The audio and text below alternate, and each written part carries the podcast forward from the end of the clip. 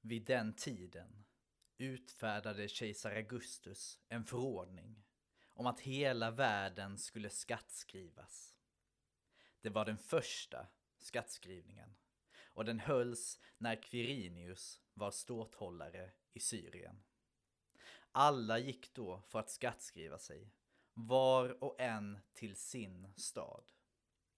Och Josef, som genom sin härkomst hörde till Davids hus, begav sig från Nasaret i Galileen upp till Judeen, till Davids stad Betlehem, för att skattskriva sig tillsammans med Maria, sin trolovade, som väntade sitt barn.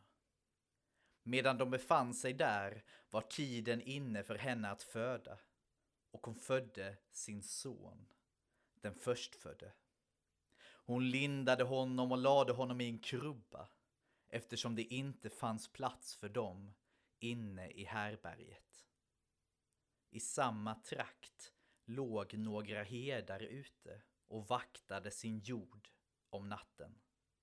Då stod Herrens ängel framför dem och Herrens härlighet lyste omkring dem och de greps av stor förfäran.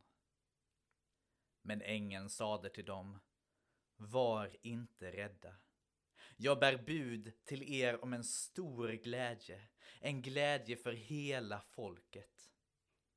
Idag har en frälsare fötts åt er i Davids stad.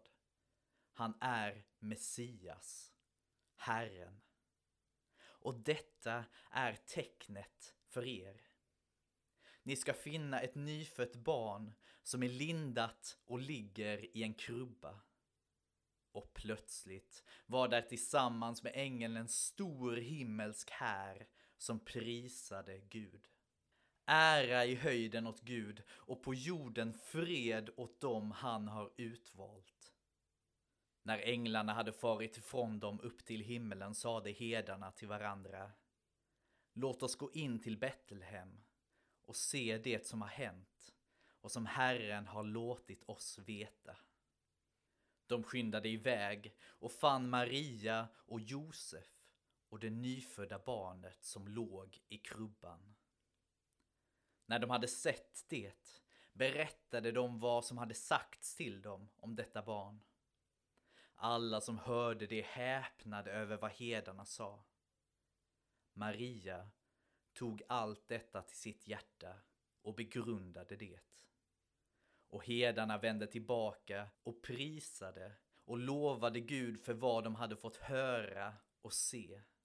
Allt var så som det hade sagts dem.